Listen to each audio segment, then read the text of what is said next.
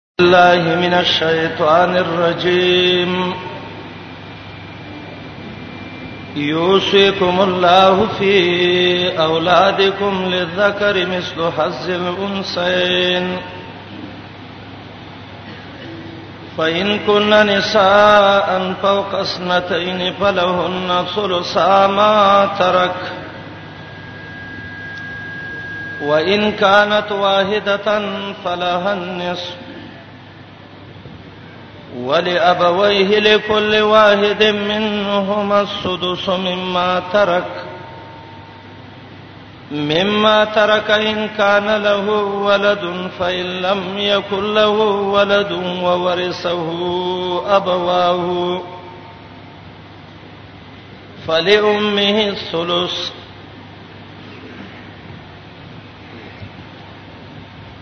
سورۃ النساء کې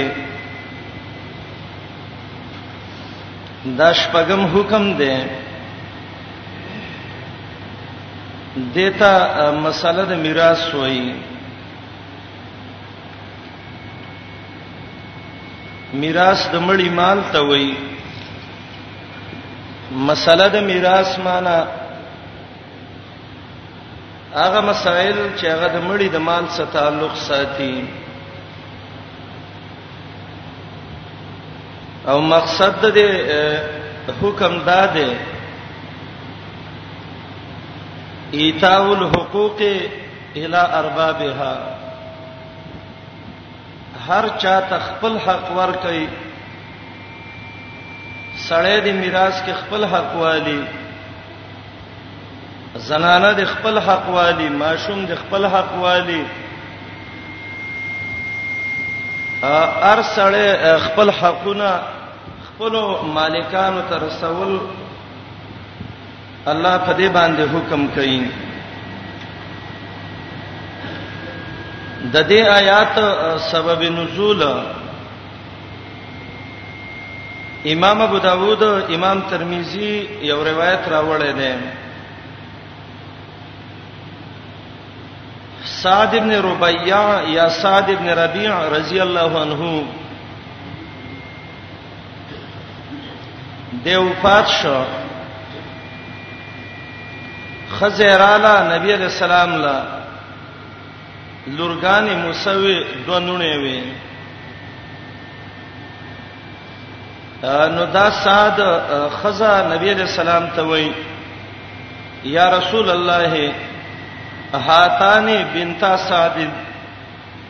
دا دواړه د سات لورګانی دي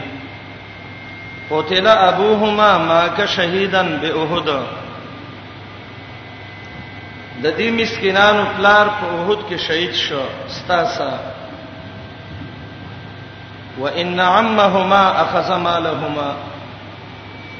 د سات ورورو چې د دې ترو ټول مال واغسته فلم يدع لهما شيئا معمولی مال هم دای لپاره نه خدا د الله نبی یو خود سات لورګانی دي چې نه چې پیغله شي نو ضرور د هغه خرچي خوراکي جامي نو دغه لړنه خراب شوه دی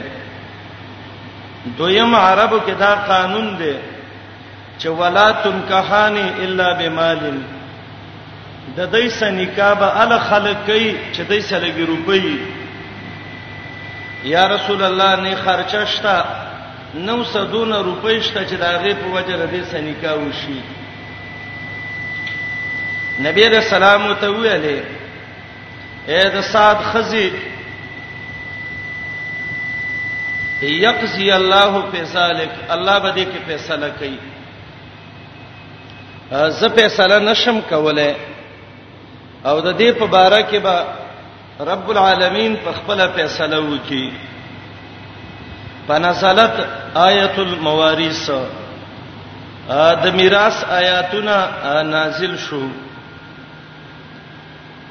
او د میراث آیاتونو کې الله د ارچا حق خو ده د زوی دون حق د لور دون حق د مور دون حق د پلار دون حق د خزې دون حق د خاوند دون حق امام ابن کثیر لیکلی دی چې یو دا آیات یوسیکم الله دویم ورپسې آیات او دریم د دې سورت اخیرانه آیات یشمل جميع علم الفرائض ټول د میراث شتونه مسائل دي نو هغه ته دا شامل دي امام قرطبي وایي دا آیات رکن من ارکان الاسلام دا د اسلام یو لوی رکن دی او احادیث د نبی علیہ السلام د دې تفسیر دی او وعماده من عمود الدين دا آیات د دین د ستنو نه یو ستنه ده و ام من امهات الای او د قران د آیاتونو یو مور د سما عجیب آیات دی ښا د اسلام رکن دی د اسلام ستن ده د قران د آیاتونو مور ده ډېر احکام دې کې راجمع کیږي میراث ډېر ضروری شی دی نبی علیہ السلام صحابه ته ویلو علم میراث یاد کړئ خلکو ته وخی وای زمړ کېګم دا علم ختميږي یو دوه خلک به په یو مسله کې اختلاف راشي دون څوک به پیدا نه کی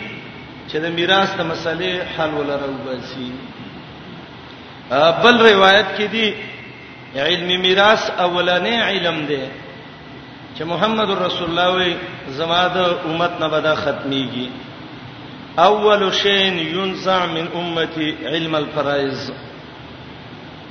او دا هغه علم دی چې دا حدیث کې دته نصف العلم ویل شوی دی نصف شطر الدين ځکه نیم احکام د ژوند سره تعلق ساتي نیم احکام د مال سره نصف علم په دې بنا یا نیم علم یو ته په دې ویلې ده علما وایي چې د ټولو علمونو کې څونه خواري کې نو د دغه په نیمه خواري به په علم میراث کې کې یا نصف او شطر دا مکمل حصے ته وایي علمي میراث ډېر لوی دغه ده دا د علم ډېر لوی حصہ ده عالم لا د دې معرفت د دې پیژاندل ډېر ضروری دي علما دیو کې کتابونه لیکلیو د الفرائض په نوم باندې او هغه مشهور کتاب د سجاوندی چې هغه په فقه حنفي کې لیکل په نوم د سراجی باندې چې هغه عام مدرسه ده مدارسو کې لوستل کیږي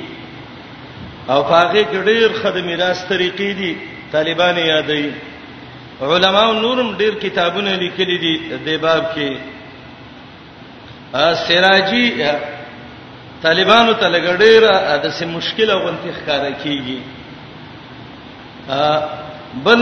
د سراجی کې خپل سباج زینو کې خامې نه وي ځکه دا سړی مذهبي دام کې راګیر دی څوک چې یو دام کې راګیر شي دا غینه سر غړول به ډېر ګرانی الحمدلله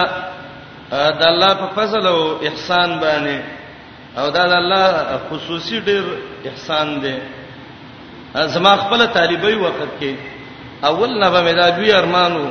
چې الله زما دې علم کې ذهن کولاو کې او ان شاء الله د الله نه ډېر خوشالم الحمدلله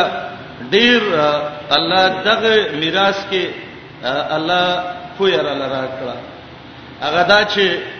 یو مسلې د قران د آیاتونه دي به به دې په مسله باندې ډېر خپويږي سراجی به موږ درس کوله لیکن سراجی کې بعضی ځای کې مول څه خطاې نه وي کې د الله حمد دې ډېر زیات چیرته منګه او چیرته د څه کارونه الله دې راضي شي موږ الله نه ډېر خوشاله یو ما دی باندې یو شرح ولیکله ان شاء الله ان قریب کې د شي د رمضان کې چاپ شي 300 صبحه ده او باغی کې د سراجی دا کم مسائل او کم ځای کې چې دا خویدلې دی کې هغه مثلا په نخښه کړه دا دا دا دا دا, دا کما مسله دا غیر صورت بعضی ځکه حدیث نه یغه ته حدیث جوړ کړي کم حدیث شراوړې دا غي پوره تخریجم پکې وکړه او دې پښتنو ورونو لم پښتو جبه کې لیکل لري الله دې زمون د اخرت یو ذریعہ د نجات وګرځي او الله دې ټول مسلمانانو ته د فائدہ ورسي دا مسله د میراث دا اسلام کې ډیر مهم رکن لري دا میراث هم وته وای علم الفرائض هم وته وای علم الترکات هم وته وای علم الحقوق هم وته وای او دا د سې علم دی چې دا نصف العلم دی وخم کم دی خو ان شاء الله د آیاتونه په مزه ته وایم خیر دی لګ دی ویلې شي دا څه ضروری نه ده خو ځان په پوي کوي باب د میراث کې دا قاعده ده ورونو کله چې سړی مړ شي او مال پاتې شو دې سړی ته موروث وای د مال ته مورث وای ورثو ته وارث وای او دا څه چې پاتې دي دته میراث سم وای انسان چې کله مړ شي نو د مړی په دې مال پسې درې یا څلور حقونه متعلق دي چې دا به د تقسیم نمخ کې پوره کول شي اولنې دا ده چې د مړی تکفین او تجهیز دا به د مړی د خپل مال نه کیږي د دې جملې مقصد دا دی که د مړی کفنی ایوا دارنګي یو ځکه قبر په پیسو ایسته کیږي یا مړی د گاڑی کې وړل کیږي جاز کې دغه کیږي دا به د مړي د خپل مال نه کیږي یبدا بتکفینه وتجهیزه اسراف او زیته بم نه نه کمن او نه کیفن کمن دمانه چې مقدار کې وکی مثلا د مړي کفن یو عمرې او ته چې زما پلار دې په واتو تانو کې راځم کوم ابي ډېر ښه خزه وا او زول تقریبا خلک څلور یا پنځه ټوټه ور کوي زمې دا بین سل ټوټه تاوم نه دا شی باندې کې دا مړی بیزتی دا او کیفیتن بندسي کیفیتن دې مسله کې هنن سبا ډېر خلک راګیر دی او توجه وته نشته ده قاعده په باب د کفن کې دا ده چې په ژوند دې څنګه جامې اغوستلې لکه مثلا په زندګۍ کې د زر روپو جوړه اچلا ستا کفن بم د زر روپو د کفلې نه په زندګۍ کې د 2000 جوړه وا کفن بم د 2000 جوړې نه زندګۍ کې د 300 روپو جوړه کفن بم د کمزوري ټوټې نه به سنت پکې دا ده چې سپینو کپړو نه تاسو څه وکئ کفن وکړي نو باید دا نه دی چې دکان کې سپین تان پروت دی او که هر څوک راځي او هغه ولا کټ کوي نه هر انسان لبا داغه د جون مناسب چې څونه مقدار کیفیت باندې کپړه مستعمله ولا اقصه به دغه کی باقی دا ده بعض خلک دا د مسله کې ام پلانې خور مې د دې لزه کفن ور کوم پلانې دې دې لزه ور کوم نه نه کله دې خپل مالی د قنو له کفن ورکا په مړی په پردي احسانونه مانو دا اولنې حق د مړی دې تدفین تجهیز بالاصول الشرعیه دویم حق دا دې د دې نه بعد چې کپه دې مړی باندې د چا څخه قرضونه وصیت باج علماء مخکې کړي خو نه قرض مخکې دي قضا او دیون چوته وي اعلان بکیږي کپه دې مړی د چا قرض راشي چې مونږ یې ولور دا به د مړی د مال نه ورکول شي قرض به د مړی د مال نه خلاصول شي محمد رسول الله علیه السلام په هغه مړی به جنازه نه کوله چې چا چا باندې به قرض وو نن دا شی هم نشته دی امام ورزی او سیدو ته الکه سړی قرضدار خو نه دی قرضداري ورور ذمہواری واخلې ان چې دغه دی دا چې قرض به زور کوم د نبی علی السلام زمانہ کې په مقبره کې دوه اعلان وکیدل یو اعلان بداو چې په مړی د چا قرض راشه چې قرض ورکونه او دویم اعلان بداو الا له سلوله التثبیت الله نو له سوالو کې وسته تپوس کیږي چې الله یې سوال جواب کې کله کی د دینه بعد دریم حق د مړی چې د مړی پورې متعلق دی د مال پورې تنفیذ الوصایا من ثلث ما بقیا بعد الدین وصیت کړي دي وصیت کې دا قاعده ده چې چا په میراث کې حق دي داغه به وصیت نه وي الا لا وصیت لوارثین لار دوی له وصیت نشي کولای بلې بل نه نشي کولای اجنبي سړی دی اغه له وصیت کړي دی وصیت کې دا شرط دی د ګناه کار به پینې کیږي وصیت یې کړي زمړ کېږي مزما پیسو په پلانې مړ کړي د شرک اړه به په جوړه کړي دا وصیت مننه نافذيږي هغه وصیت منافذيږي چې اسلامي وصیت دی مال بدري سی شي د مال د درې می حصے نه به وصیت تنفيذ کیږي ان الله تصدق علیکم فی آخر اعمارکم زیادتا لکم فی اعمالکم بسلس اموالکم محمد رسول الله علیه السلام به ویلي اخیری عمرونو کې الله د باندې یو احسان وکړ هغه دا ده چې اجرم ډیر شي زید درې می حصے نه دغه وکیدا اوسید صحابي راغله وې اوسید کوم وای په څونه باندې پټول وای دا مکوا چې ورساو دې بل تلاش نیولې غریبانان هغه نه چې مالدار پرې وای نسب وای نیم ډیر دی وای سلس نبی علیہ السلام وای وسلس کثیر بس دا ډیر دی زه په دې گزاره وکا او څلورم حق چې هغه د مړی دی هغه دا دی چې تقسیم مالیه بالکتاب والسنه واجماع الامه قران حدیث د صحابه او د تقسیم مناسب د د مال تقسیم کا احادیث کې چرایزي چې وصیت به د مؤمن د بالغ یخت پروتي هغه دا وصیت دی چې زما مال شرعي طریقه باندې تقسیم کړي به به ټول ورسول ورکول شي څلور قسمه ورسد سيدي چې هغه به میراث کې حق نه اخلي یو هغه سړی چې را پاج سره ده او دا خپل موروث ملک نو چې څوک څوک وجلی نو قاتل به د مقتول نه میراث نه وړي دا یو دویم زوی دې کافر دی کافر به د مسلمان نه میراث نه وړي مسلمان به د کافر نه نه وړي لا يرث المسلم الكافر ولا الكافر المسلم او بل پاغي کې رقیت ده مره ده کدا اقین مره ده ک مکاتب ده ک مدبر ده ک ام ولد ده او ک مشترک ده او ک مباز مره ده خو یو د بل نه میراث باندې وړي ولی به نه وړي د مری مال د مولای اسید ورثونه خرابې بل له ورکی څه ضرورت ده څلورم پاږي کې نبوت ده نبی د چانه میراث نه وړي او د نبی نه میراث نه وړي کیږي کم میراث چې راغله ده نو هغه میراث دینی مراد ده د نبی نه به میراث نه وړي نحنو معاشر الانبیاء لا نورث نبی علیہ السلام وای من پیغمبرانو جماعتونه زمنګ میراث به خلق نه اخلي من چې څه پرې خودل د ټولو مینس کې به شریکی د ابوبکر او د فاطمه په دې ډیر خفقان راغلی و اخر فاطمه ته ابوبکر ویل فاطمه ته د الله د نبی بچی ما ته سخت ګرانه او قسم په الله کده محمد رسول الله دا حدیث نه وای ما به ډیر مال درکړی چې څونه اخلي وی اخلي د میراث تم به پینک دی فاطمه به خوشاله کړه فقه حنفی کې یو مسله بل ده چې هغه ته اختلاف الدار وای چې یو سړی مثلا پاکستان کې او بل افغانستان کې او بل سعودي کې او کدا ورونه یې مړ شو هم یو بل نه به میراث نه وړي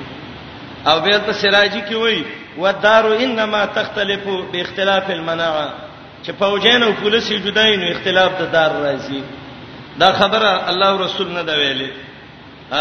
یو سړی بدلته پلار به په افغانستان کې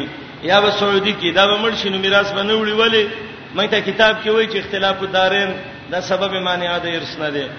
نو کتاب مولا سجاوندی ویل دي نه الله ویل او رسول الله ویل دي ایوسکم الله فی اولادکم اسباب د میراث په کوم سببونو سره میراث وړي قران او حدیث کې درې سبب راغلي دي یا څلور یو سبب قرابت د رحم دی خپل ولی نسبی دویم سبب زوجیت دی اورور ولی خزتوب او خاونتوب او دریم سبب ولاده ولا ویل کیږي مرئی آزادولو ته د میراث شرطونه څه دي درې شرطونه دي حیات د وارث به وارث به ژوندې یا به حقیقتا ژوند دی یا به حکمن حقيقي ژوند دی چې ګرځي د سي حکمی ژوند دی حمل دی سړی مړ دی د زنانه حمل دی د حمل له میراث اشاره ولې شي یا سړی دی ورک شوی دی مفقود دی نو مفقود حکمن ژوند دی دی او دویم پاغي کې موت د مورث دی چې د چانه موروث چانه میراث وړي ابا مړی یا به حقيقي مړی چې په خپل لاس قبر ته دغه کې او یا به حکمی مړی لکه سړی ورک شو مدد ورکوالی پوره شو بس مفقود حکمن کلمه یت دی المفقود کلمه یت دی خلک لګي او سړی ژوند دی خو چاو ته ول دا ولی وای قاضي سه حکم کړي حاجی درال وای سړی خخو ژوند دی دا ولی وای دا ورک شوی مونږ یې خزه بل ته په نکاح کړل کو نکاح په ورځ راغې وای ما ته خلکو ویل چې دې به څه مسله وکړو وای ما جمعه ته مسله معلومه ده کتاب ګورم هدايه مې وکتله کتاب المبقود کې لیکلیو والمبقود کلمیت مبقود د سیله کمړی وای ما چې دا کاپ چې ده زائد ده معنا المبقود میتون ورک شوی مړ له امړي پزما کنه ګرځي دا سه مړ را خطلې دی به کته ور ورته وي خخې کوي المفقود میت المفقود کلمیت او دریم پاغي کې وجود د مال دی مال مورث وي یا به حقیقتا مالی چې پروتي یا به حکمن مالی چا باندې قرضي دا اسباب را واخلا او به ته قران ته متوجه شه نو قران او حدیث به تعالی یو درس درکې په لاس باندې چې په قران کې د میراث وړون کې خلک ټول زویل فروز دولس قسمه خلک دي دا نتیجه لاس کې والا څلور دې کې سړی دي څلور قسمه او دولس قسمه دې کې خزي دي میراث کې خزي ډېری دي کم سړو کې اول پلار دی دویم اخیافی ورور دی دریم چې دی نو هغه نیکه دی دویم او دریم اخیافی ورور دی او څلورم چې دی دا زوج خاوند دی اب جد اخلی امین او ور سره زوج خزی چې دی چې قران او حدیث کې داغه حصہ ذکر ده اته قسمه دي زوجات خزی دي کوي وای کدوې کډري کڅلوري د ټولو میراث حصہ یو ده ورپسې بنات سلبیه هغه نونه چې خپل د انسان نه پیدا دي ورپسې بنات الابن د زامنو لورګانې دا څو شولې درې شوي او درې قسمه خويندې دي اعیانی خور چې پلار او مور کې شریکي علاتی چې پلار کې شریکي اخیاتی چې مور کې نو درې او درې څو شوي شپږ او ومه د مور او تمنیا نو څو شولې دا اته شولې نو سمان من النساء اته قسم به کې خزيري به دا دی چې د دې څه حالات دي نو دا بم کتابونو کې ویلي چې د پلار څلو درې حالات دي د نیکه څلور دي د اولاد الام درې دي د زوج دوه دي د اخوات بنات سلبیه او درې دي او د بنات لبن شپږ حالات دي اخوات عینیه پنځه دي علاتی و حالات دي د اخیافی درې حالات دي اوم د پاره درې حالات دي میراث کې جدې د پاره هم درې حالات دي دا ټول یاد کړئ د میراث مولای ورپسې عصبات راواله چې څلور طبقې ذکر کړې دي تا بنوت ابوت اخوت عمومت زویل ارحام ماماګانو ته ورواوړه ترور بچو ته ورواوړه ترور زینو ته میراث کې د ورکو کې دې کې د دوا کوي صبر کوي بس یوسیکم الله فی اولادکم لذکر مثل حظل حسین دا اولنې حکم دی وصیت څه ته وای العهد بالشی مضبوط حکم کول وصیت څه ته وای اخیرنی هغه کلام ته چې نسخه کیږي نه وصیت څه ته وای اخر کلام المیت چې مړی اخیری کومه خبره کړي نو که یو سړی ژوندې او دوه وصیت وکي یو وصیت وکي زما دا غاړه د پلاین له به ورکی بل وصیت وکي دا به د بل له ورکی علما وایي دي کې دا رستنه سړی چې گواهان راوستل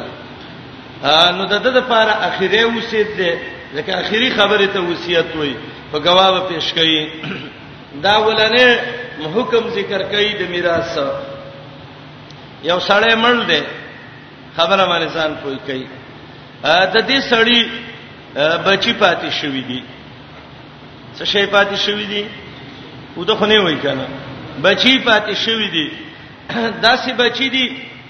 چې هغه یا ټول الکان او جنکې غړي وړي دي نو قانون دا دی دوه جنکې دا به یو الک باندې دا کېده برابر لذکر مثل ازل انسان به یو زوی دی او دوه لورګانی دي دا به ټول دوالکان به فرض کې یا به ټول څلور جنکې فرض کې الګ بم په دوه جنکو حساب کې مال به څلوري سي کې دوی سي بالک والی یو یو سبا څوک والی جنکې واخلي دا یو صورت ده دویم صورت ده سړی مړ دی لکه سعد رضی الله عنه چې مړو ټول لورګانې پاتې دي ابو البنات دی امام احمد له یو سړی راته یو ځل ولا راغی وای لور مې شوې ده تسلی ورکړه بیا بیا نه لورګانې پوره شوې به ول سړی راغی وای ایام د حمل ان شاء الله هغه ته وی الله به زوی درکې چې کله ورځې تیرې شوې سړی راغی و امام احمد هغه کوم جنای و امام احمد پوښه سړی خپکیږي وته ویل خپکیږم چې وهالیل انبیاء الا اولاد البنات دنیا کې چې څونه پیغمبران دي د جنکو بچی دي ښا ته خو د پیغمبرانو نیکی مړ دې خبرې مکه ول الله مندا ټول جنکې پاتې شوې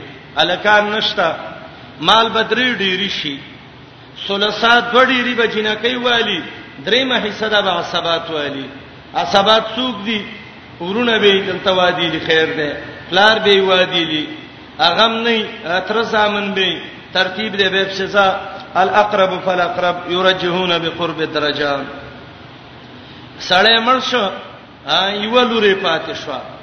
مال به په من نیم شي نیم به جنې والی نیم به نور ورس جنې به رس نه کوي چې په دې ټولو غاړو ورواچي زما دادا مال دی نه ځان لستا دادا نه دی نورم چړې دي لیدسي او دا نور بم د سینې کوي ته یې څنګه نیم مال لې و دا بس کله یو د ډېرو په ځای کار وکي و ما یقوم مقامهما کافیه کې ویلې دي دا یو صورتونه دي السلام علیکم تعال کولو پخپلو دعا غانا حتا ته د کوم ځای خبرې ته لاړې اوس میراث مسله نه ختم شي نور چټونه بنه راکوي دا ختم شي به خبرې کوو د خیره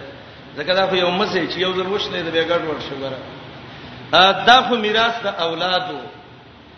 میراث د پلارانو څنګه چې دې ته میراث الاب ویل کیږي پلار سړی مړ دی پلارې پاتې دی دلته درې شکل ته وګورئ دا سړی مړ شو مثلا زمون شوم زما پلار پاتې شو نو کچیرته د دې مړی ټول زامنو لورګانې نه وي نو مال بشپګ حصے شي پنځه حصے به زامن والی شپګم حصے به څوک والی لار والی دته فرض مطلق وایي سړی مړ شو او د مړی یو پلار پاتې دی او نور ټولي لورګانی فاتې دي بس هغه کې به اول فرض ما تعصیب شپږمه یې سبم والی او جنکې بخپلا دوی سی والی دوه ډیری چي دي ځکه په شپږمه یې سوالی نو مال بشپړ ډیری شي نو شپږمه دی واغستا نو د شپږو حصو دویم دوه حصې څو دي څلور دي کنه نو څلور به جنکې وایي نو څو پاتې شو نه یو بندا وایي او دریمه طریقه دا ده سړی مړ دی زامن هم پاتې دي نشته دی ولورګان هم نشته دی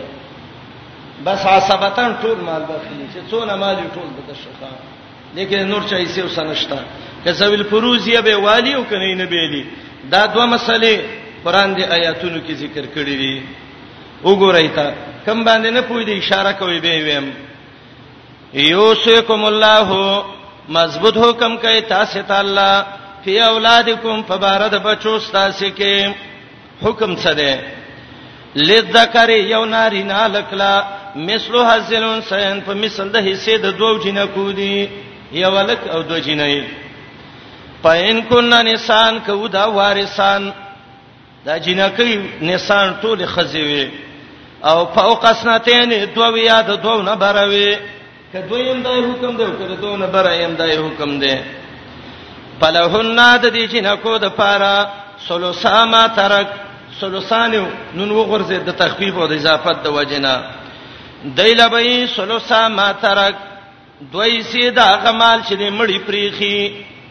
بس مال بدري ډيري کې دوه ډيري به دا والی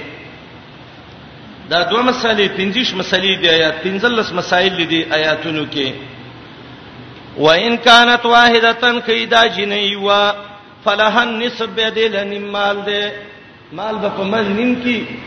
نیم بداوالي میراث کې نیم چيلي دوه خلک کېلي بلکې درې اخلي بنت سلبیه چی وای بنت الابن چی وی او زوج دا نیم نیملی رسته خويندم به شته دی نیم نیم دا خو میراث د اولادو او وس هغه صورت دی ولې ابویه کې چې بچی مړ دی او پلار او مور ژوند دي نو چې بچی ولې ابویه د پاره د پلار او د مور د دې مړی لكل واحد هر یو لمنهما د دینا سدس شپګمې سبې شپګمې سبې د موري او شپګمې سبې د چي د پلاري مما داغ مالنا ترک چې دی مړی پریخي هو ان کان له ولدن کید د د پاره بچي بچی شتا لار موریم دی نور مال دی بچی والی یو شپګم دی مور یو شپګم پلار بل مسله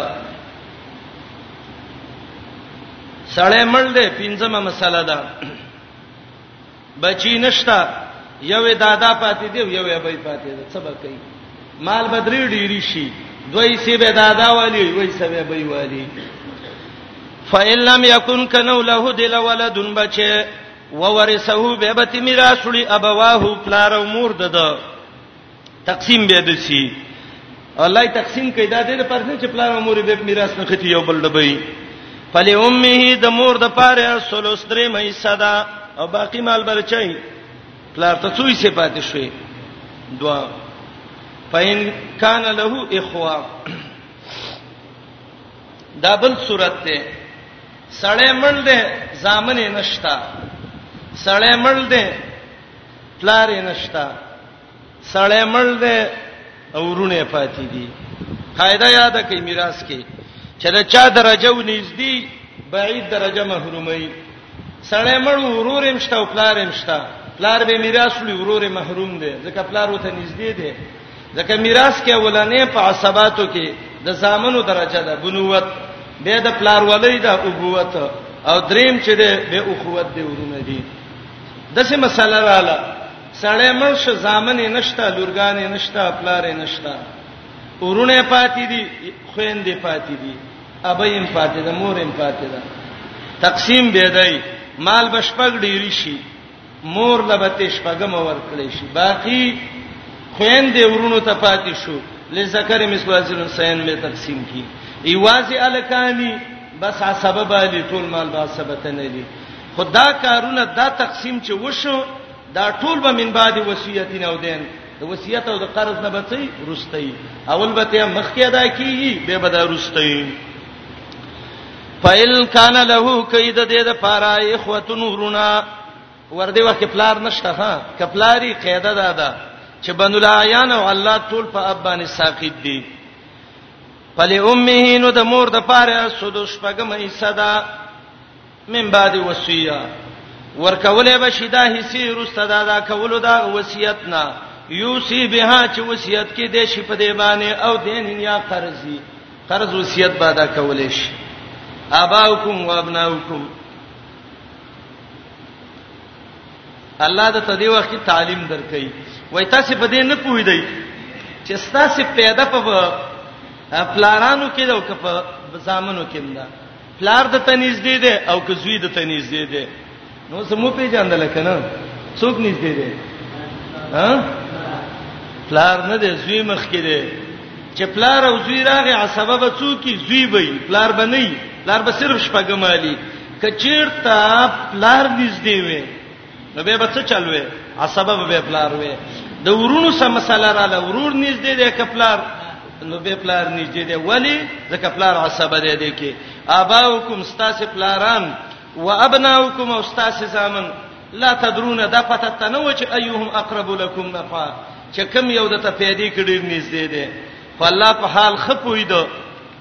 میراث معلوم کو چې دا بدون علی دا بدون علی دا بدون علی عجیب فائدہ دا ده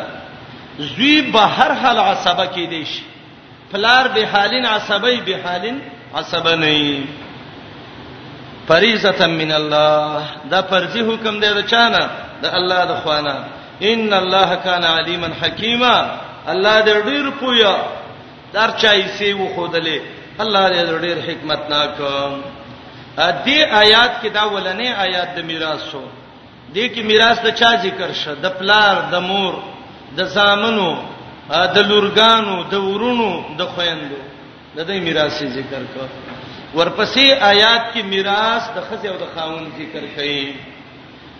ولکم نصف ما ترک ازواجکم الا لم یکن لهن ولدن فإن كان لهن ولد فلكم الربع مما تركن من بعد وصية يوصين بها أو دين دته دویم سبب وای د میراث چې هغه ته زوجیت ویل کیږي درب دې نظام ته وګوره پردې لوري او پردې سړې و یو بد بل نه میراث وړي د خاون په میراث کې دوه حالت دي هغه دا ده کچیر ته خزه مړه شو دا قاعده یاد کړئ ښا دی قران کې چې وای چې د خاون بدونه یې سي دا صورت دی چې خزه مړی او چې دا وای چې د خزه بدونه یې سي دا صورت دی چې څي خاون مړی دسه مسله چرته نشي کېده چې زوجم او زوجه دواړه وارثانی دغه د مړې بچو کیږي سړخه زمړه شو خاوند دی پاتې دی د دې اسلامي طریقه دا ده کله دې خزه زامن او لورګانې وي نو مال به څلوري سي شي درې سي به د بچو والی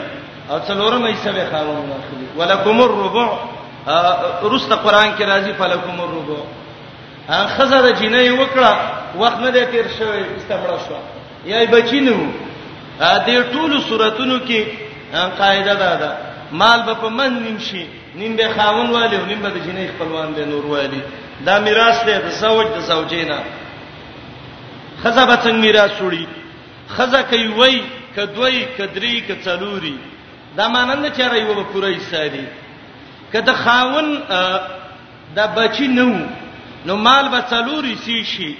کوي وای کدوې کدري کار سي ټول به په څلورمه کې بشری کی ځکه خاوند یو یو خاوند کې شریک شو نو یو څلورمه کې به شریک شي او کچیرته د خاوند بچیو نو مال به اته ډیری کی به به ټوله خزه په اتمه کې شریکی او و به نور ورثه اخلي دا دوه مسائل دلته ذکر کړي ولکم استاد سره پاره د خزو خاوندانو ودونو کې یو غټه نیمه دام ده خزه مړ شو میراث به هم ته پاتې شي کنه نصف ما ترک ازواجکم نما غمال چې تاسو خزو پریخي الم یکل لهن ولد کنه دې خزو د پاره بچی فین کان لهن ولد کړه دې خزو د پاره بچی فلکم الربع نو تاسو له څلورم حصہ ده مما دا غمال نه ترکنا چې د خزو پریخي مم بعد وصیتن رست د وصیتنا یو سینا چې وصیت کیدا به په دی باندې او دینن یا قرض او که سړی تلور خزي اور یو امړه کیدنو د ار یو په مال کې دغه نه دغه نه حصہ ده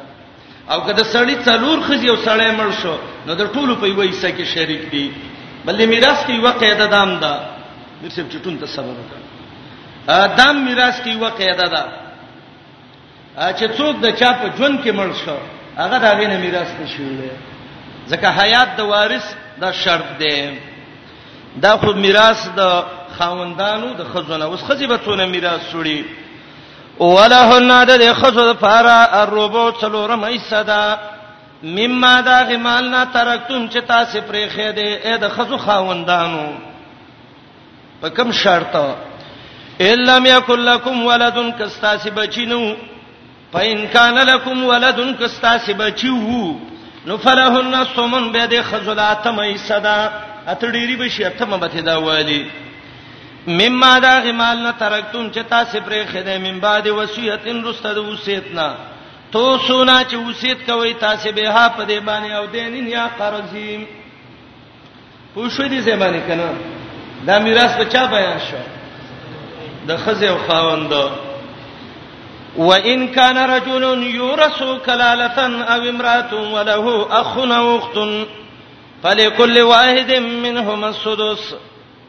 دا میراث د خويندو د ورونو شروع شي او دیتا مسله د کلالی وای کلاله دا عبارت ده د تکل کلن نسبنا تکل کول څه ته وای چې نسب قطع شي یو سړی د کلاله میراث عربان کلالی ته منوتلې وای دا کلاله د څه لفظ دی چې دا سړی تم کلاله وي او خزه تم کلاله وي سړی کلاله وي خزه کلاله وي کلاله هغه میرا مړی ته وي چې دا غې نه پلاری نی نکي بره نسبم ختم شوی خکته نسبم نه زامنیم نه د زامنو زامنیم نه لورګانیم نه د لورګانو بچو باندې به کلالتوب نه ختميږي ځکه قاعده دا ده بنونا بنو ابنائنا وبناتنا زمنګ اولاد وې زامن دي او د زامنو بچي او لورګان زمنګ بچي دي وبنوهن ابناء الرجال الاباعد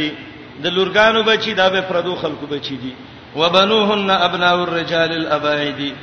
اگر کدا د سی وای حدیث کې دا دی چې ابن اخت القوم منهم خوریم د قوم نه حسابيږي ښا څوک چې دا چا خوري هغه دا قوم نه حسابيږي ابن اخت القوم منهم خدا میراثي مسلې دي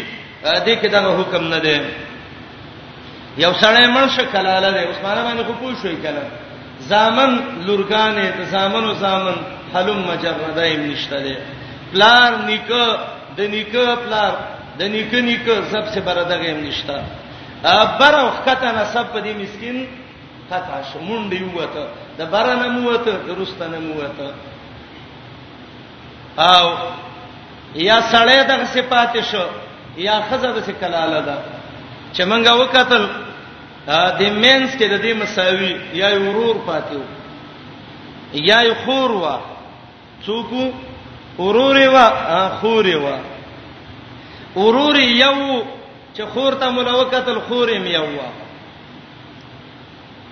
دا یو صورت دی یو ورور پاتې دی یو دلته څلور صورتونه دی ګورئ سړی مړ دی خزمړه ده کلاله ده یو ورور پاتې دی سړی مړ دی خزمړه ده یو خور پاتې ده دا څو صورتونه شو ها دوا یاد سی وی وی خزمړه ده یو صورت ده خور پاتې ده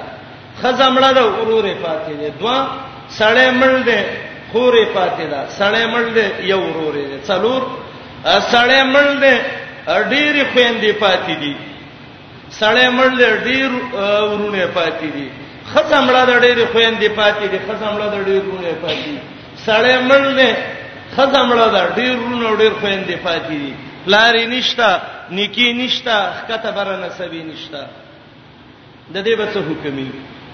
قران کې دې آیات کې وایي دا یو خور او یو ورور به څه شیخ یو شاله قاری سي یو شاله او کنده هوره سبا د آیات بل چاته به بچي وي ته کې دې وخت کې ودی نو به په خوب کې وي د دې به میراث کې څه حکمي دې آیات قران کې وایي شپږمې سبا دي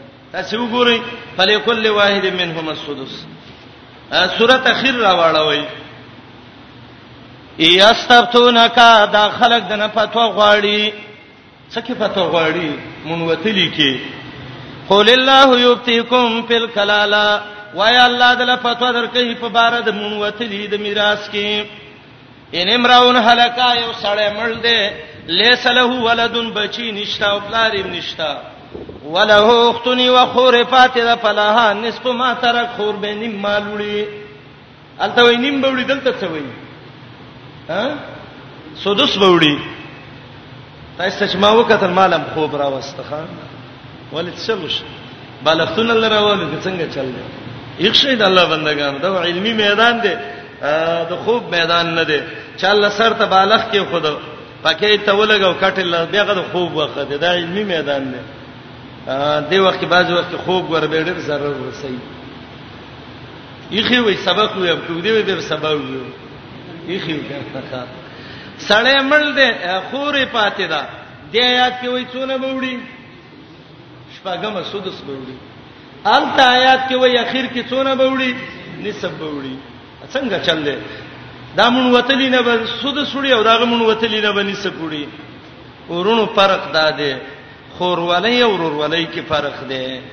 دی اولنی آیات کې هغه خور ورور دي چې پلارانی جدای او مور یو شریکي مثلا یو خزه ده یو سړی سه نکاح وکړه لاغې نه څه وشو یو زوی وشو دا خزه کونډه شو یا طلاق کړه بل سه نکاح وکړه دا غینه لور وشو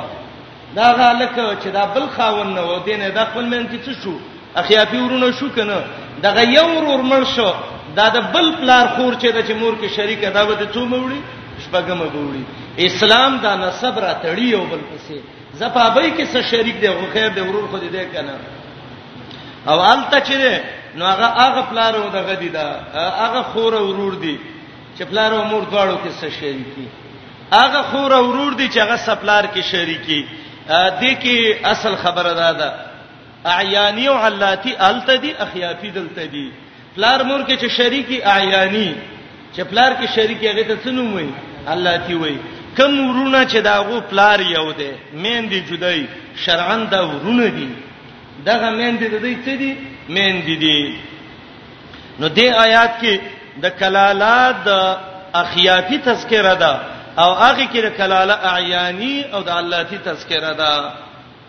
نو که یو یو نو شپږم به وړي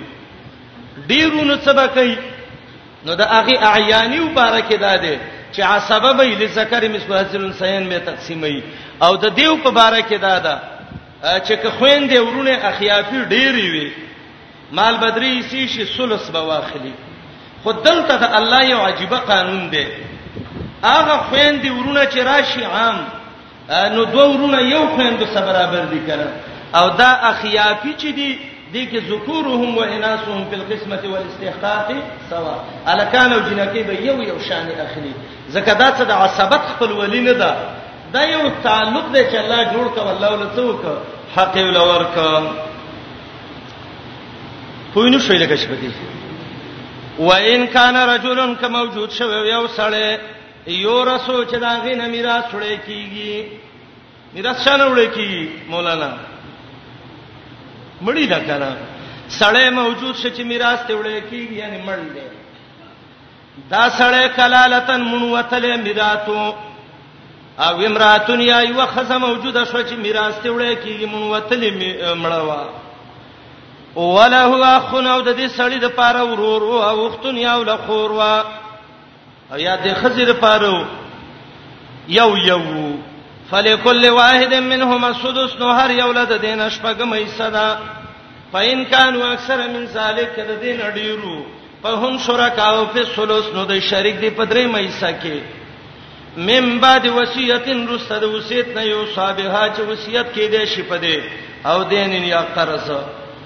غیر مصار مکیږي سره ور کونکي او بل چې یو د بل حصہ اخلي وصیتا من الله دا د الله حکم دی مضبوط والله علیم حلیم الله دې ډیر پوی ډیر صبرناک ګوره مخکینو کې د خبرې ونه کړې مسالې د میراث د خويندو لچرال کله کا خبره وکړه دا غیر مصارین یو بل سرر مور کوي وصیتا د الله ته حکم دی الله د باندې پویا دی دا د الله حدود دي اشاره دی ته دا چې خويندل حصے ورکړي دا ضروری خبره ده نن سبا د خويندو حصے برباد شوې دي علما او عوام ټول برباد کړي دي کوي چې خور له حصہ ورکا مړه وي پښتو کې چا خور له حصہ ورکړي الله ورکړي پښتو مختو په رضا دی وخت او پښتای ماتي کې جهنم ته به وګرځي حصہ ول الله ورکړي دا باسي وي یره وي زمون خې خويندې زمون نه نه اخلي هغه ته پته لکته وي چې سره کا سبای په کور نه پرې دي هغه وای زه خیر دی یو ډول شپټې دی نه خو دا ورونه بدن سره ونی سره زتر خور دا پیسې کا خور ولا په جوړ کا او ته چې خور دا دې زه دې وکړې ډیر شړای خلی کني خلی دغه پیسې راواله خور له په حج د داخله وکا دا یې خلی کني خلی پټیو ته جدا کا خور دا له حق دې اخلي کني خلی نه اخلي څنګه نه اخلي انګور تراودي کیدل نه خوري څنګه وخوري چې اخلي جنگ وسکه په کورې بندې دارنګي به حیا او ته وای نه نه د الله حکم دی دا به ورکول غواړي دا به ورونو ټول خاص کو چې دا به ورکو سید د خیره څنګه ګور الله څونه کله که خبره کې غیر مضارن یو بل ته سرر مو ورکوي وصیت من الله په دې تعالی وصیت کوي او کته په دې ریږي چې دغه دی دا زمانه خوري سوالي ماته به څه پاتې شي نو دا خور ستای سواسته ک الله ور کړی خپل واسطه په پردي څه څه جنگ کې یا دویمه خبره تا نه خوري سواغستا نو چې نوې غستله نو ستا کور ته هم څوک راغلی ته به بل نه والی کنه به بل خوري کته چې زما خور به لګي و زما خزه به لګي والی او خور به مې ډیر دی کی څلور خزه وکړه چې به دار یو څه لراوړي ډیر بشي بل غټه به وکړي دا طریقې قرآن خود لري غیر مصارم وصیتا من الله باقی دا خبره انسان په دې باندې نه مړیږي ولا یملا جوف ابن ادم الا التراب د الله نبی وای د انسان د خپل به صرف په خاور ډکیږي په بل څه نه ډکیږي ښا کله سرو زرو یو کندول شي دویمه بغواړي او که دویمه شي دریمه بغواړي هغه سالمان خلق د الله نه دی ویریږي چې تو ته وې حصہ ورکا هغه وی الله رسول ورکي خو زما ذهن نه ورکي ذهن د څه وخت کې چلول نه دی پکار سبب ته مړی زړه خپل باندې نیولې بچی به په حکومت کوي عذاب به تعالی درکې دي شي اول په پردي پټي باندې ځان له جهنم وګټي غیر مضارن مشي سرر کون کی وصیت من الله تعالی مضبوط حکم د الله د خوانه والله علیم الله دې ډېر پوی حلیم صبرناک الله پوی دې زه حصے و خو درې په پویږي صبرناک دې تم صبر شر پر دوی سونه تلک حدود الله هدایت د الله پولی د الله پولی دی ګور پټی ته چې لچا پوله وکړه چې لکه دې خو من راضي به بنور ورځي وتا و من یطع الله ورسوله چا چې د الله او د پیغمبر تابعداري وکړه میراث حصے ورکړي يدخله الله بين نباسي جنات جنتن تا تجربه یی به من تحت الانهار لاندې دا غینه ولی خالدین فیها مشوی په دې کې وسالک الفوز العظیم دا د کامیابی لوی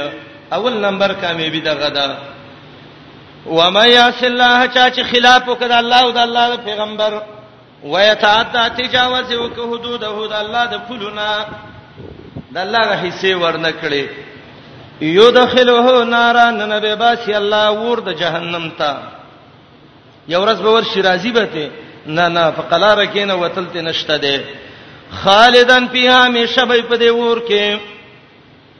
کله چې د عزت ژوند دی نه نه وله عذاب مهین دل د عذاب د سي عذاب چې دا بس پکې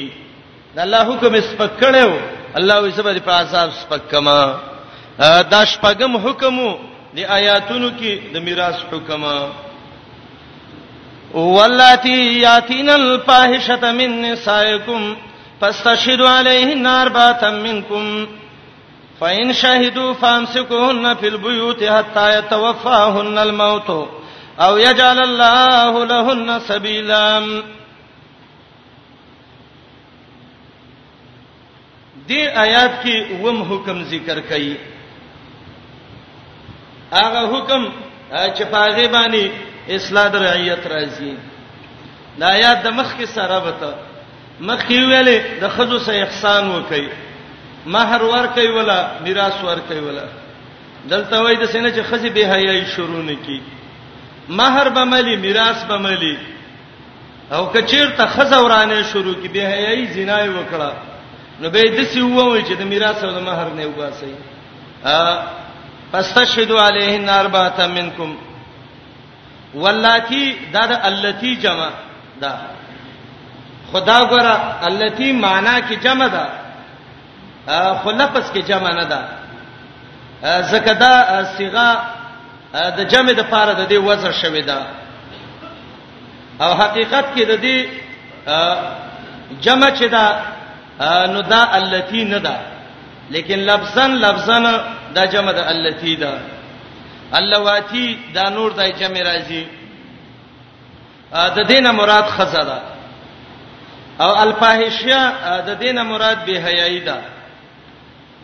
خو د مفسرینو اجماع ده په دې باندې چې د دې فاحشه نه مراد زنا ده ولاتی یاتین الفاحشه هغه جنۍ هغه خزه چې زنا ته راتګ وکي ستاسو د خزونه من نسائکم ویل دا حکم د مسلمانانو خزو دی کله چې دا به حیايي وکړه نو فاستشهد علیهن اربعه منکم را غختله د گواهان وکي څلور گواهان خداغه صورت ده چې خزه په خپل اقرار نه کړي دا آیاتونه دوړ لګران دي ته ګوره چې قلار وېما خزه د اقرار نه دی کړي چې اقرار نه دی کړي څلور گواهان پر او غواړي شابه څلور گواهان راولي چې چا لیدلی چې د زنا کړي دا کچیرته خزه اقرار کړو به گواهانو ته ضرورت نشته غامدی اقرار کړو محمد رسول الله وروي ولې رجم کوي څلور گواهان به خو منکم به ا دې منکم کې دوه فائدې دي یو پیدا دا ده چې دا به مسلمانانو نه وي کافر په مؤمنه خزه گواہی نشي کولای مؤمن سړی باندې نشي کولای دا فائدہ ده د منکم او دویمه فائدہ دا ده چې منکمی ویلې اشاره دې ته ده چې دا څلور به ټول سړی ګره خزي بنئ باب د زنا کې د خزو گواہی صحیح نه ده لا یصح شهادت النساء فی باب الزنا او دلیل په دې دا ده چې دا سړی دی خزه نه دی چې دلته الله لفظ د تا ذکر کړي اربعتن کې ویني کنه او اسماء عددو کې دا قاعده ده چې په عدد عقل کې د دریو نه لسو پورې د مذکر سبا تاراولی او د مؤنث به بدون تای خبره باندې پوه شوې دی باندې دلته اربعتن کې تار وړل دا تار څر پاره ده دا عددی تار ده معنی اربعتن څلور سړی به منکم استاسینا خزی باب کې نه کاربانی ویلې به خزی ویلې دا دوه شرطونه خو د قران نه معلومیږي مسلمان به سړی به او یو بنئ دو بنئ درې بنئ پورا څلور به او په صحیح حدیثونو کې دام راغلي دي چې دا څلور به رجالی سړی به احرار به اصل به عادلان به ظالمان به نه او شهادت چې کوي نو علی سبیل المشاهده به کوي دسی به وای چې ما پسترګو په زینا دسی لیدلې په دسی عمل حدیث کې دی لکه سلای چې نجلومه کې څوک رانجه تر اخلي تسری ده دې کې وجه ده ده پاسې اشارات وبني د سینې چې پردې خزه او پردې سړی به ګناه مړ نه کوي نو کده سي گواہی وکړه اسلام اول کې دا قانونو چې دا به کورونو کې بند کړي او چې کورونو کې بند کړه یا به توبه وباسي الله به حکم نازل کی او یا به جیلونو کې مړ بشي دا ولنې حکم دا حکم په اتفاق د محدثینو او د علماو باندې به منسوخ دی هغه دا دی چې جعل الله لهن سبیلا الله سبیل ګرځولې دی سبیل سره سورته نور دویم آیات کې براشي چې به واده لکه جنې زنا کړي نو سل دوری ووا حدیث صحیح مسلم کې دی او تغریب عامن یو کال د ملک نه وشاړه او کچیرته د واده والا زنا کړي نو هغه دار چې دا مړ کوي زکه د واده والا یو سړی استاخو خزا وخت زنا ته ضرورت وو اے د خزي اے خزي ستا خاونو ستا زنا ته څه ضرورت خو چې تا دا کار وک نو تا دا الله ډیر لوی کو نه ورغړه ولا نو شریعت وې مړې کوي میدان ته وباسي ژوندۍ ول ختمه کوي دا مرداران دي چې نور ژوند تیري د دې ژوند کې خیر نشته ده خبره ختمه کوي کده سه مسله وا الک یا جنې یو تن د واده والو او بل نو دا غیبه څه حکمي دغه حکم دی به واده جلد مئتن وتغریب عامن او دغه چې د واده والا هغه رجم دی او دلیل په هغه حدیث دی نبی رسول سلام له سړی راغلو امام بخاری دا روایت راوړی دی وتویل یا رسول الله ان ابني كان عسيفا على هذا زما بچیو د دې سړی سمزدورو او څه وخت تیرو ستر پرده نه و بل څه شینو فزنا به امراتی استلاغه د خزې سره زنا وکړه زه دا غینه بعد د مولانو نه مې ته پوښتنه وکړل چې ستا زما د زوی څال دی هغه راته ویلې ستا د زوی ال دا دی دا به وجل کیږي او که وجل نه نو سل غړي به دې ایواز کې ورکی نو دا سړی وای یا رسول الله سل غړي مې ورکړي زوی مې را خلاص کړ د دې نه بعد چاره ته ویلې چې محمد رسول الله وای چې ستا په زوی سل دوری دي نه په ګډه شته ده او نه په وجل شته ده اې دا الله نبی والذي باسك بالحق اغه الله باندې دستا قسمی چې رښتې پیغمبر را لېګلې صحیح خبر راته وکړه د قران فیصله را لوکړه امیو خړه رکلکه خبره وکړه نبی علیہ السلام ته وی والله لا اقضین بینکما بکتاب الله قسم په الله د الله په کتاب الله فیصله کوم کتاب الله حدیث ته موي دغه روایت کې وته ویلې ستا سل غړي چې دي پردن علیک هغه بیرته واپس درکې او ستا دا زوی چې ده نو فجل دمیاتین سل به دوری وو دلته وتغریب امن یو کال به وشو او صحابي ناسو انیس رجلنه د اسلم قبيله هغه ته وی وغدو یا انیس لرجل من اسلم اونې سلاټ شه اخذ او کې اقرار کو راوي با سپ غټو یول عمره کا دې حدیث کې به واده د واده کړي څه زنا کړي دا حکم یې دا دی د واده کړي مرګ به واده دا غي څه شي شو جلد مئتن وتغریب امن دا پام سکوهن فی البیوت کورونو کې بن وساتي دا ولنې حکم دی جیل کې بن کا حتا یتوفاهن الموت چې مرګ به ملکی او یجعل الله لهم سبیلا یبول الله الله راولېږي الله الله راولېګلا او د یتوفاهن درستنه الموت ذکر کو شته کنه قران کې توفی مرته یو موت مرته دی ویلی ویلې موت زکه ذکر کو توفی عامه ده کله په مرګ سره راځي کله په خوب سره راځي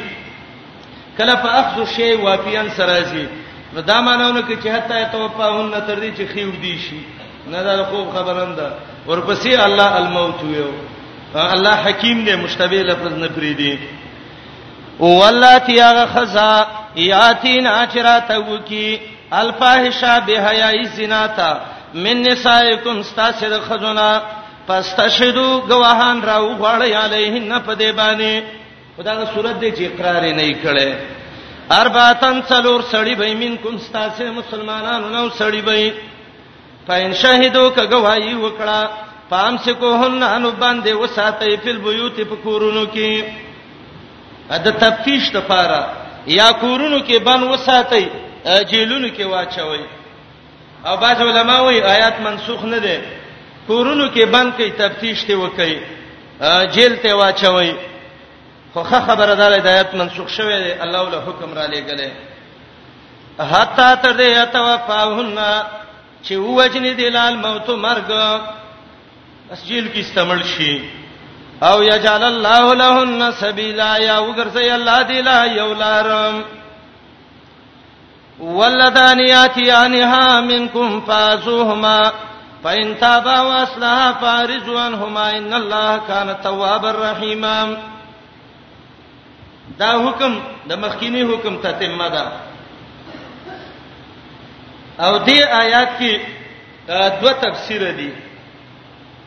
یو تفسیر دا دی چې د ولسان نه زناکار خزو زناکار سړی مراد دی څه شی دی مراد دی اصل کې مذکر زمين راوړ ځکه قاعده دا ده چې کله مذکر او مؤنث دواړه راشي اکثر خلک تغلیب یو بل ور کوي شمس او قمر ته شمسین وای تغلیب دی کنه نو د ول لسان نه الکان او جنکې مراد دي دا یو تفسیر او عبد الله ابن عباس رضی الله عنه قول دی امام مجاهد ته نقل کړی دی چې دا آیات د مخکینی آیات ته تمه ده الکه دې ایتون ته ګورې ګور دا ډېر ګران ایتونه دي دا آیات د مخ کې آیات ته تمه ده څنګه هغه دسی چې دا یاتیان ها کې دا زمير هغه فاحشه تراجه ده چې مخ کې آیات کې ولاتی یاتین الفاحشه او الله دوه قسمه زناکاران ذکر کړی دي یو زناکار چې هغه محسن دی واده والا دی او دویم زناکار چې هغه غیر محسن دی نو دا آیات د ما سبقته تمه ده او دوه قسمه زناکاران دي یو زناکار چې هغه محسن وو واده والاو اداغي حکم مخکې آیات کې وو یو هغه چې غیر محسن وو داغي حکم دی آیات کې دی دا یو قول دویم قول د قتاده او د سودی دی چې د زانی او زانیینا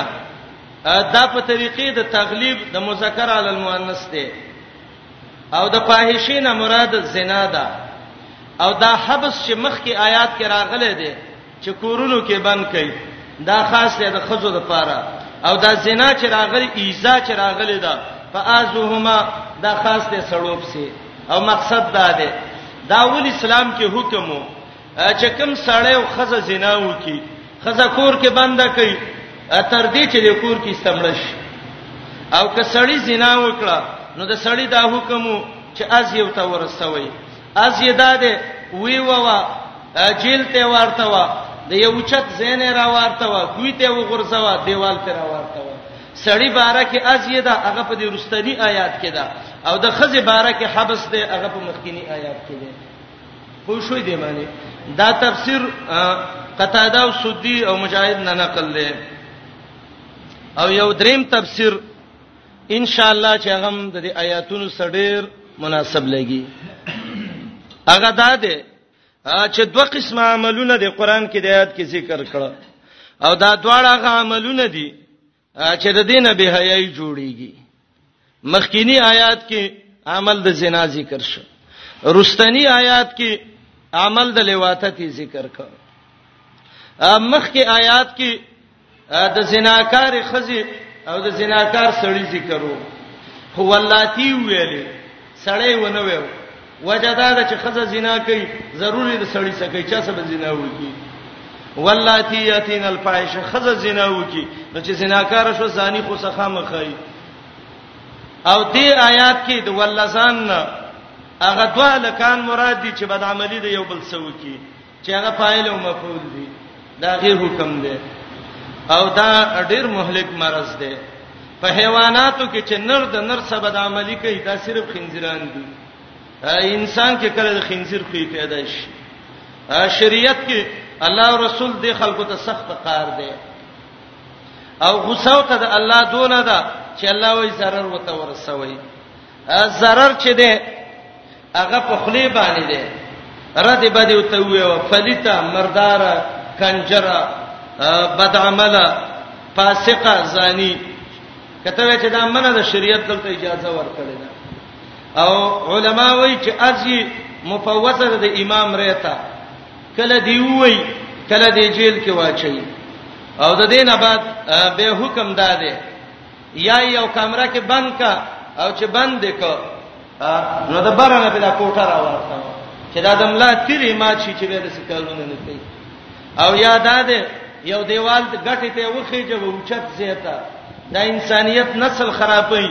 دا الکان د برن راو غرزوا چې سر او خپې او ملا ډوکی ټوټي ټوټي شي او به خلک عبرت والی چې د چل څوک نه کوي او دریم دا دی وی دروا او خلکو ته وی وی راځي ټول لاس کوي او یو غټ دیوال ته ودرېږي او دغه سي په ورواړته وی چلان دې دیوال سي دیوال ښه څوک چې ملک به حیاي خوري قران وای د څه کار وسوکه چې نور یاد ولري قتل وک محضر عام کې ملکا زنا وکړه محضر عام کې ملکا سخ سخی وو د باندې مې ریګا نو چې ودی وو بدعملی وکړه به بنور خلک ویریږي د دینه او دا ډیر مردار عمل دی لعنت دی پاغه چا باندې چې د قوم لوط عادت کوي اولنې ایجاد د دې د خلکو کړي دی نو دې آیات کې فاعل او مفعول مراد دي او هغه آیات کې زانی او زانی مراد دي د درې تفسیر علما دې آیات کې کوي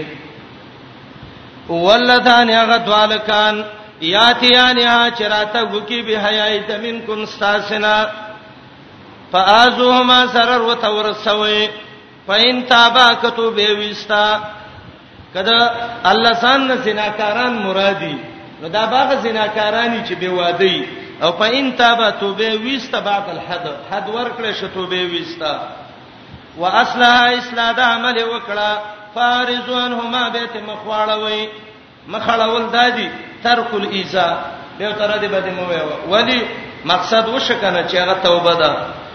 ان الله کان تواب الرحیم یقینا الله دې توبه قبل انکه رحم کوونکې الله ته توبه وباسه الله بر باندې رحم وکي